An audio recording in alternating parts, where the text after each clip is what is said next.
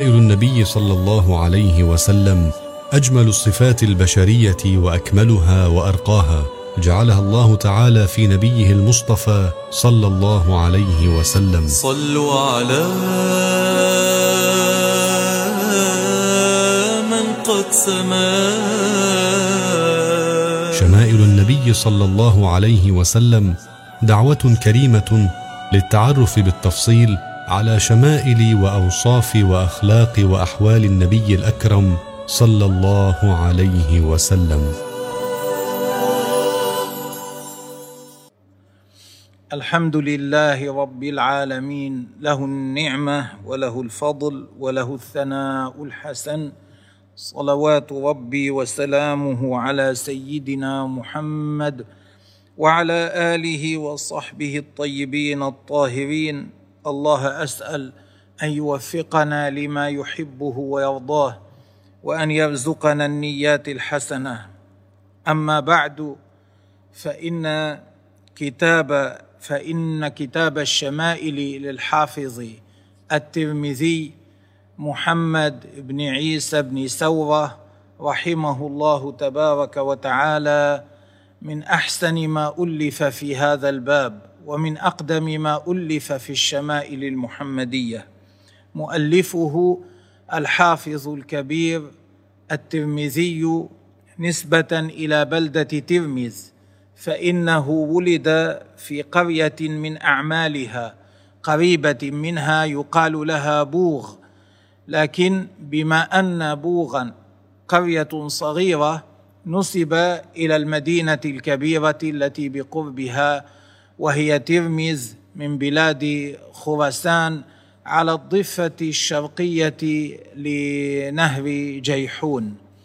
ولد الترمذي رحمة الله عليه بعد المئتين من الهجرة الشريفة وتوفي سنة تسع وسبعين ومئتين. كان عالما عظيما بارعا بالفقه بارعا في الحديث تجول في البلاد وأخذ عن الحفاظ لقي الإمام أحمد وأبا داود ولقي البخاري ومسلم وغيرهما من أهل العلم وأخذ وأخذ عن البخاري كثيرا. بل إن البخاري روى عنه حديثا وهذه منقبة عظيمة للترمذي فإن البخاري في مصاف شيوخه. وكان رحمه الله تعالى ذا ذاكرة ذا حافظة قوية متينة. مرة كان نسخ كتابا لأحد المشايخ جزئين لأحد المشايخ. ثم وهو يمشي مسافرا مرتحلا في طلب العلم لقي هذا الشيخ ففرح قال الآن أقرأ عليه هذين الجزئين. استأذنه في القراءة عليه أو في سماع الجزئين منه فأذن. نظر في متاعه فوجد أنه غلط. بدل أن يضع هذين الجزئين في متاعه وضع جزئين بياض يعني ليس في ليس مكتوبا فيهما شيء اوراق بيضاء. فصار المحدث يقرأ الشيخ يقرأ يذكر والترمذي ينظر في هذه الأوراق البيضاء كأنها مكتوب فيها. بعد قليل تفطن الشيخ لذلك فقال للترمذي تسخر بي؟ تهزأ بي؟ ما هذا؟ فقال له كل ما ذكرته أنا حفظته حفظت كل ما ذكرت. فتعجب قال اسرد فسرد. قال لا هذا أنت حفظته من قبل. قال فاتل علي اسرد علي أحاديث أخر. فسرد الشيخ أربعين حديثا بأسانيدها فلما أنهى سردها الترمذي كلها على الوجه الذي ذكره الشيخ. فتعجب الشيخ وعرف قوة حافظة الترمذي رحمه الله تعالى. كان ورعا كثير البكاء. بكى حتى ذهب بصره وتوفي وهو فاقد للبصر رحمه الله تعالى. من أشهر كتبه كتابان السنن جامع الترمذي المعروف بسنن الترمذي الذي شاع وانتشر في الآفاق وهو أحد الكتب الستة المقبوله كتب الحديث الستة المقبولة بين المسلمين والكتاب الثاني هو الشمائل المحمدية وهو الكتاب الذي سنقرأه إن شاء الله ونعلق على بعض ألفاظه. أعاننا الله تبارك وتعالى على ذلك وجعل فيه النفع. ابدأ بارك الله فيك. بسم الله الرحمن الرحيم. الحمد لله وصلى الله وسلم على رسول الله محمد. يقول محمد بن عيسى الترمذي رحمه الله باب صفة خلق رسول الله صلى الله عليه وسلم. خلقه أي خلقته عليه الصلاة والسلام. نعم. أخبرنا أبو رجاء قتيبة بن سعيد عن مالك بن أنس عن ربيعة بن أبي عبد الرحمن عن أنس بن مالك. ربيعة بن أبي عبد الرحمن هو شيخ مالك رحمه الله. نعم.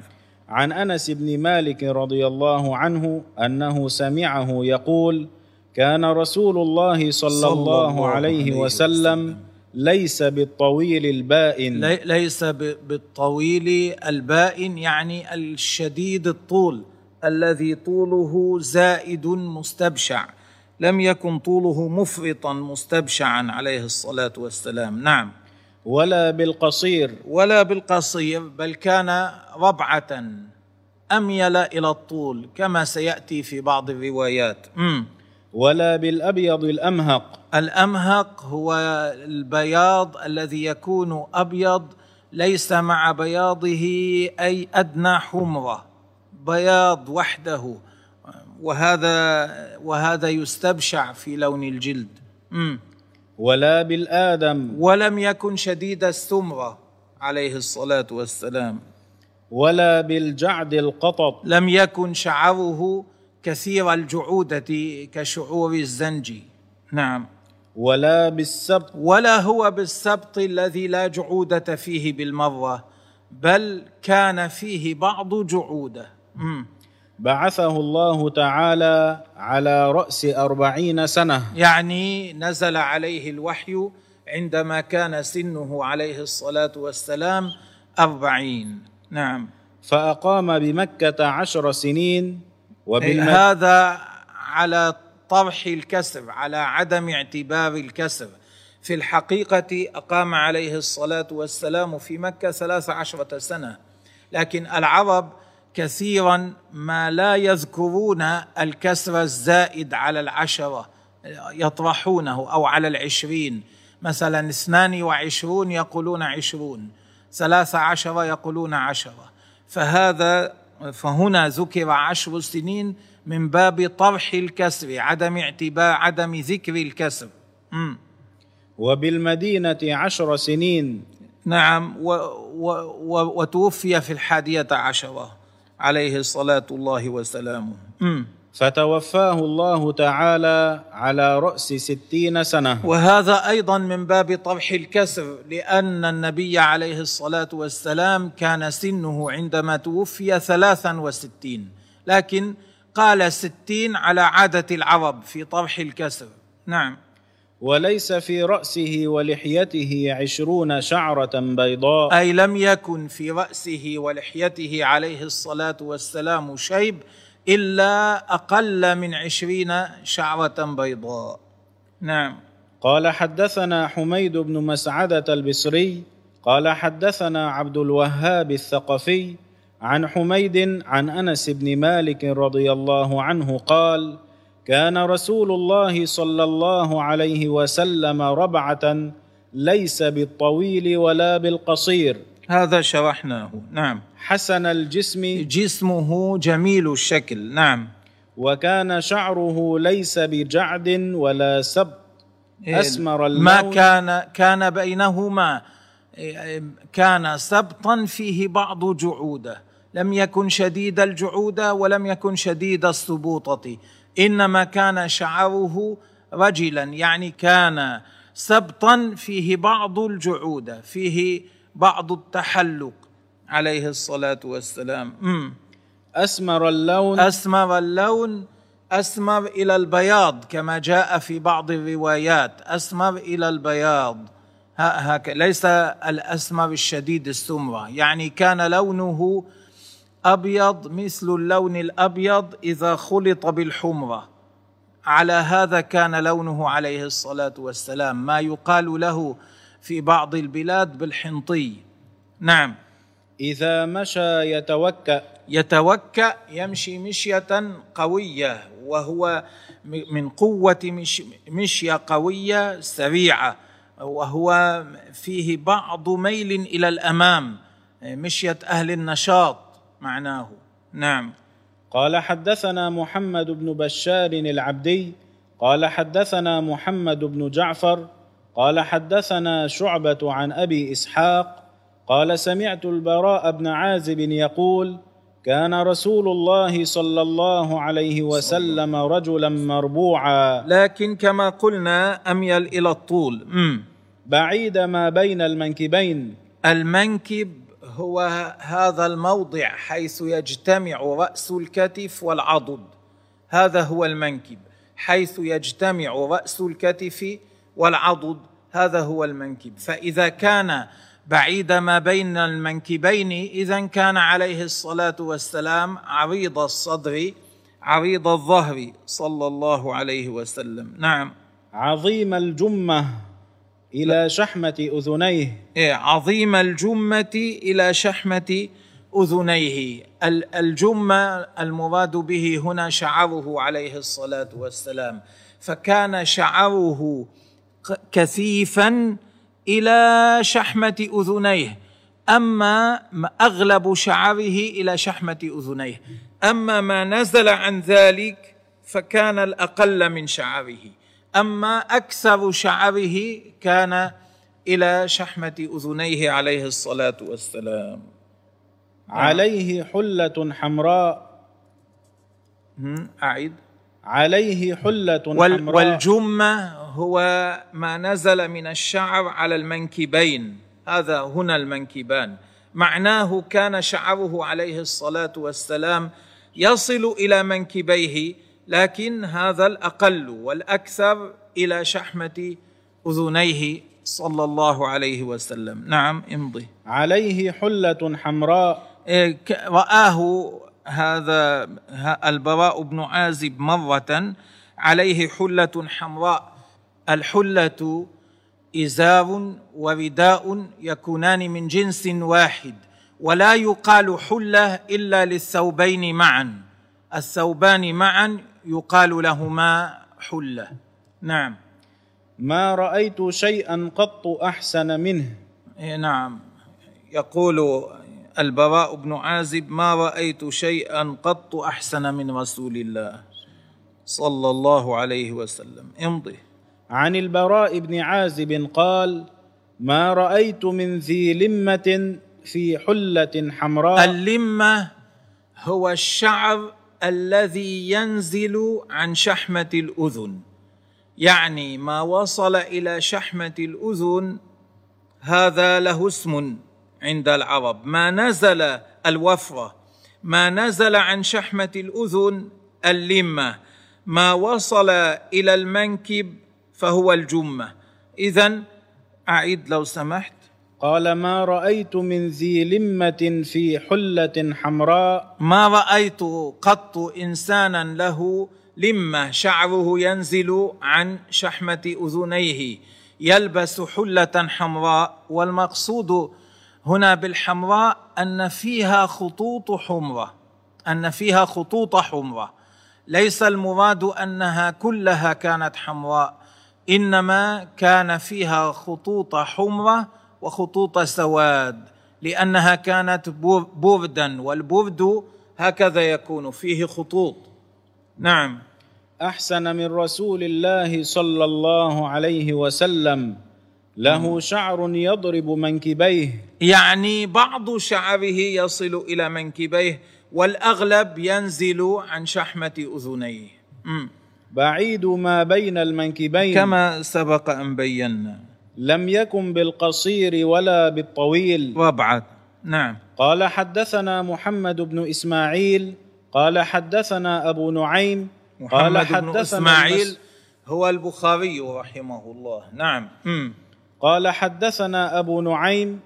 قال حدثنا المسعودي عن عثمان بن مسلم بن هرمز عن نافع بن جبير بن مطعم عن علي بن أبي طالب قال لم يكن النبي صلى الله عليه وسلم بالطويل ولا بالقصير.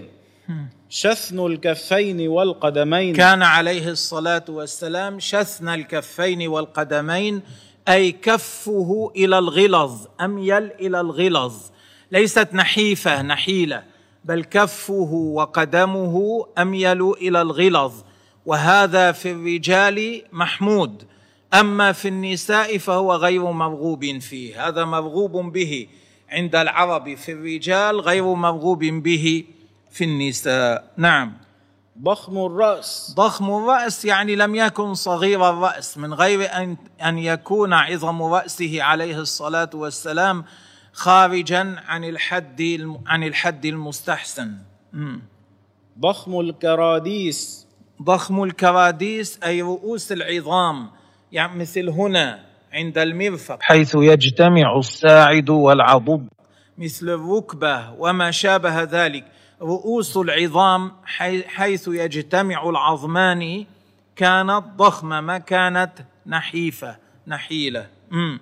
طويل المسربة. المسربة هو هذا الشعر الذي يكون كالخيط من الصدر إلى السرة. نعم. إذا مشى تكفى تكفيا. كما شرحنا قبل إذا مشى مشى مشية مع شيء من الميل إلى الأمام مشية قوية بنشاط وبسرعة وهو مائل إلى الأمام. نعم. كأنما ينحط من صبب كأنه ينحدر من مكان عال عليه الصلاة والسلام الذي ينحدر. كيف يكون مائلا إلى الأمام مسرعا هو كانت عليه الصلاة والسلام مشيته على هذا النحو. لم أر قبله ولا بعده مثله صلى الله عليه وسلم. وبالسند إلى الإمام الترمذي قال حدثنا سفيان بن وكيع قال حدثنا أبي عن المسعودي بهذا الإسناد نحوه بمعناه. وبه قال حدثنا أحمد بن عبدة الضبي البصري وعلي بن حجر وأبو جعفر محمد بن الحسين وهو ابن أبي حليمة والمعنى واحد. قالوا حدثنا عيسى بن يونس عن عمر بن عبد الله مولى غفرة قال حدثني إبراهيم بن مولى محمد مولى غفرة يعني كان عبدا عند غفرة. امرأة يقال لها غفرة. نعم قال. قال حدثني إبراهيم بن محمد من ولد علي بن أبي طالب قال هو من ولد علي بن أبي طالب المراد من ذريته لأنه إبراهيم بن محمد بن الحنفية. محمد بن الحنفية هو محمد بن علي بن أبي طالب لكن ليس من السيدة فاطمة إنما هو ولده من جارية أعطاه إياها سيدنا أبو بكر من آه، سبي بني حنيفة. فيقال له لذلك محمد بن الحنفية. نعم. كان علي رضي الله عنه إذا وصف رسول الله صلى الله عليه وسلم قال لم يكن بالطويل الممغط الممغط يعني الشديد الطول الذي طوله كثير مستبشع بائن لم يكن بائن الطول. نعم. ولا بالقصير المتردد. ولا بالقصير الداخل بعضه في بعض. وكان ربعة من القوم. إيه، نعم. لم يكن بالجعد القطط. سبق أن شرحناه. ولا بالسبط. ما كان شعره سبطا من غير أي تجعد ولا كثير الجعوده كان جعدا رجلا. هذا كما شرحنا كان جعدا رجلا يعني سبطا فيه بعض الجعوده ولم يكن بالمطهم. ولا بالمكلثم. ولم يكن بالمكلثم لم يكن وجهه منتفخا مستديرا تمام الاستدارة. وكان في وجهه تدوير. إيه، كان فيه بعض التدوير يعني كانوا كان وجهه مستطيلا إلى الاستدارة. لم يكن تام الاستدارة إنما مستطيلا إلى إلى الاستدارة ولا تام الاستطالة إنما كان فيه تدوير. نعم. أبيض مشرب.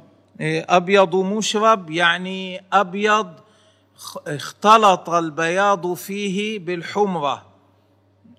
فيكون هذا اللون يقال عنه أبيض آه، مشرب. أدعج العينين. كان سواد عينيه شديدا عليه الصلاة والسلام. أهدب الاشفار طويل الأهداب. أهداب الجفنين نعم.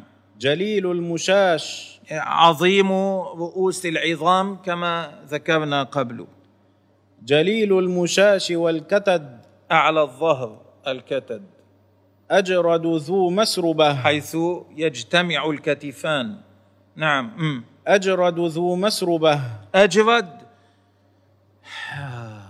ليس مراده أن النبي عليه الصلاة والسلام لم يكن على بدنه شعر بالمرة لكن المقصود من أجرد أن شعره لم يكن يغطي كل بدنه. إنما كان له شعر في بعض المواضع من بدنه فقط.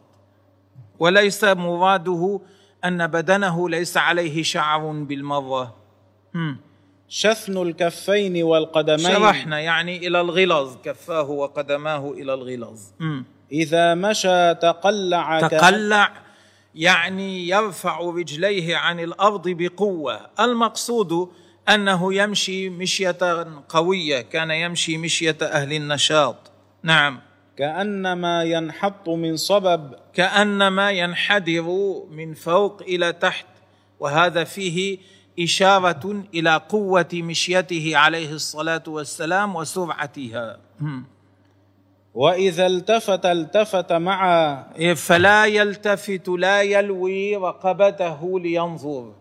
إلى اليمين وإلى اليسار إنما يلتفت إلى الشيء بكليته أو ينصرف عنه بكليته. هكذا كان عليه الصلاة والسلام. نعم. إذا كلم إنسانا التفت إليه بكليته. ليس كما يفعل المتكبرون. إذا كلمهم إنسان ينظرون إليه هكذا يلتفتون قليلا بالرقبة. لا لا. كان من تواضعه يلتفت بكليته إليه. م. بين كتفيه خاتم النبوة. إنما سمي خاتم النبوة لأنه علامة على نبوته لأنه جاء في الكتب القديمة في وصف نبي آخر الزمان وهو غدة كانت له عليه الصلاة والسلام عند كتفه الأيسر. نعم. وهو خاتم النبيين. آخرهم. أجود الناس صدرا. أجود الناس قلبا عليه الصلاة والسلام. ذكر الصدر وأراد القلب. كان عليه الصلاة والسلام الجود متمكنا فيه بحيث كان فيه سجية وطبعا. بعض الناس يجد مشقة حتى يجود. أما النبي عليه الصلاة والسلام كان الجود فيه طبعا. يجود بالعلم ويجود بالمال ويجود بغير ذلك عليه الصلاة والسلام.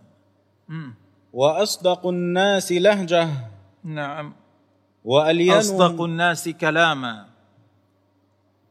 نعم. وألينهم عريكة. ألينهم عريكة. كان لينا مع الناس. ما كان عليه الصلاة والسلام آه، صعبا. كان سهل الانقياد مع الناس. عليه الصلاة والسلام. نعم. طبيعته سهل كان سهل الطبيعة عليه الصلاة والسلام. هذا معنى لين العريكه ألينهم عريكه أسهلهم طبيعة. هم. وأكرمهم عشرة. نعم. أكرمهم معاشرة. هم. من رآه بديهة هابة.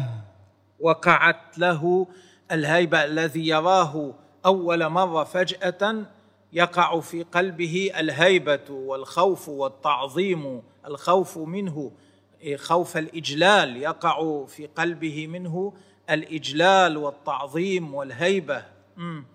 ومن خالطه معرفة أحبه. من خالطه حتى يعرفه فعرفه أحبه أي أحبه محبة شديدة. يقول ناعته لم أرى يقول ناعته يعني واصفه الذي يصفه. هذا شأن من يصفه. هذه الأمور كانت ظاهرة فيه بحيث لا يختلف الواصفون فيها. لم أر قبله ولا بعده مثله صلى الله, صلى عليه, الله وسلم, عليه وسلم. أي هذا شأنه عليه الصلاة والسلام. نعم قال أبو عيسى سمعت أبا جعفر محمد بن الحسين يقول سمعت الأصمعي يقول في تفسير صفة النبي صلى الله عليه وسلم معناه سمعت الأصمعي وهو من كبار العلماء ومن كبار علماء اللغة يقول فيما ورد في هذا الحديث في تفسير ما ورد في هذا الحديث من صفة النبي عليه الصلاة والسلام. نعم. المنمغط الذاهب طولا. الذي طوله كثير. نعم. قال وسمعت أعرابيا يقول في كلامه تمغط في نشابته أي مدها مدا شديدا. والمتردد الداخل بعضه في بعض قصرا. وأما القطط فشديد الجعودة. والرجل الذي في شعره حجونه أي تثن قليلا. وأما المطهم فالبادن الكثير اللحم. والمكلثم المدور الوجه. والمشرب الذي في بياضه حمره. والأدعج الشديد سواد العين. والأهدب الطويل الأشفار. والكتد مجتمع الكتفين. وهو الكاهل. يسمى أيضا الكاهل. نعم. والمسربه هو الشعر الدقيق الذي كأنه قضيب من الصدر إلى السرة والشثن الغليظ الأصابع من الكفين والقدمين والتقلع أن يمشي بقوة. يمشي يرفع رجله عن الأرض بقوة لا يجرها جرا لا يمشي مشية الكسالى ولا مشية المتكبرين إنما يمشي مشية أهل النشاط. نعم. والصبب الحدور تقول انحدرنا في صبوب وصبب. النزول. نعم. وقوله جليل المشاش يريد رؤوس المناكب. والعشرة الصحبة والعشير الصاحب.